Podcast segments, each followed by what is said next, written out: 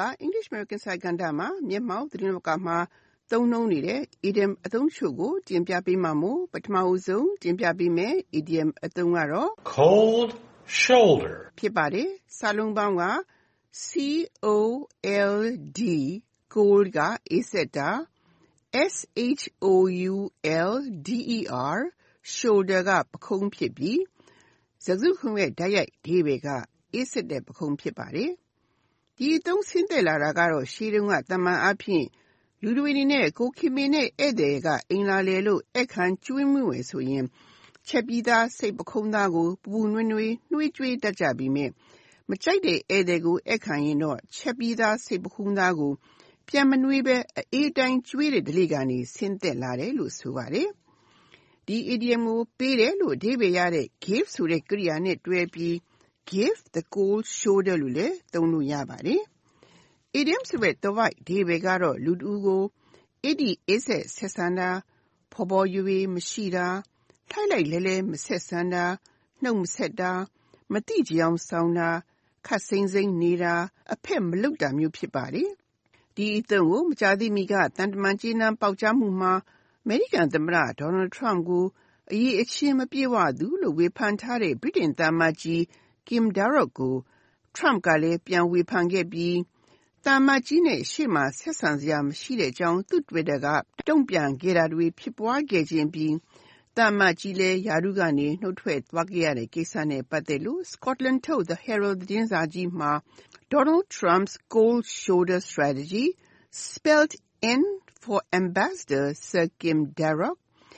Donald Trump ရဲ့ အဖက်မလုပ်တဲ့ ဗျူဟာက သံအမတ်ကြီး Sir Kim Darroch ရဲ့ရာထူးသက်တမ်းကိုနိဂုံးချုပ်ဖို့ကိန်းဆိုက်စေခဲ့တယ်ဆိုတဲ့ခေါင်းကြီးနဲ့ရေးသားခဲ့တာဖြစ်ပါတယ်။ဒီအသုံးနဲ့ပတ်သက်တဲ့ George Group ပေးတဲ့ဥပမာကိုလေ့လာကြည့်ကြရအောင်ပါ။ Mary gave John the cold shoulder at the party last night. She must be angry with him. Mary ကညကပါတီပွဲမှာ John အပေါ်ခပ်စိမ်းစိမ်းနေခဲ့တယ်။ သူစိတ်ဆိုးနေလို့ဖြစ်နိုင်တယ်လို့အဓိပ္ပာယ်ရပါတယ်။ဥပမာကိုနောက်တစ်ခေါက်လေ့လာကြည့်ကြရအောင်ပါ။ Mary gave John the cold shoulder at the party last night. She must be angry with him. ခုဒုတိယတင်ပြပေးမယ် idiom အသုံးကတော့ Sweetheart deal. ဖြစ်ပါတယ်။စာလုံးပေါင်းက S W E E T H E A R T sweetheart ကချစ်သူရည်းစား D E A L deal က သဘောတူညီမှု အပေးယူလုပ်မှု ဖြစ်ပြီး စကားစုတခုရဲ့ တိုက်ရိုက်အဓိပ္ပာယ်က ချစ်သူရည်းစားသဘောတူညီမှု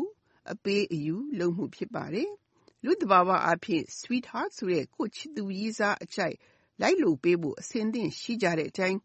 idiom ဆိုတဲ့ the white ဒီဘေကနေ့စဉ်ဘဝမှာတစ်ဖက်လူနှလုံးခိုက်စရာတရေကြစရာဖြစ်တဲ့ အပေးယူလုံးမှုမျိုး သဘောတူညီမှုမျိုးကို ဆိုလိုတာ ဖြစ်ပါတယ်။ အထူးသဖြင့် စီးပွားရေး နိုင်ငံရေး စတဲ့လောကမှာ ငွေ ရာထူး အခွင့်အရေး စသဖြင့်တစ်ဖက်သဘောကျ ဖြစ်စေမဲ့အပေးယူလုပ်တဲ့ ကမ်းလှမ်းချက်မျိုး ဖြစ်ပါတယ်။တနည်း အဆုံးဖြတ်ပေးနိုင်တဲ့ဒါမှမဟုတ် ပါဝါ အာဏာရှိတဲ့ လူတဦးအကျိုးကို ရှေ့ရှုပြီး သူသဘောကျစေမဲ့သူ့အကြိုက်ဖြစ်စေမဲ့သူ့အတွက် အကျိုးရှိစေမဲ့အပေးအယူလုပ်မှုမျိုးကို ဆိုလိုတာ ဖြစ်ပါတယ်။ဒီလိုကမ်းလှမ်းချက်မျိုးဟာ အများအားဖြင့် ဥပဒေနဲ့မညီ ကျင့်ဝတ်နဲ့ မကိုက်ညီပဲ လာဘ်ထိုးတာမျိုးလည်း ရောက်နိုင်ပါတယ်။ဒီအသုံးကို အသက်မပြည့်သေးတဲ့ မိန်းကလေးငယ်တွေကို လိင်လုပ်ငန်းမှာ အသုံးပြုမှုနဲ့ အရေးယူခံထားရတဲ့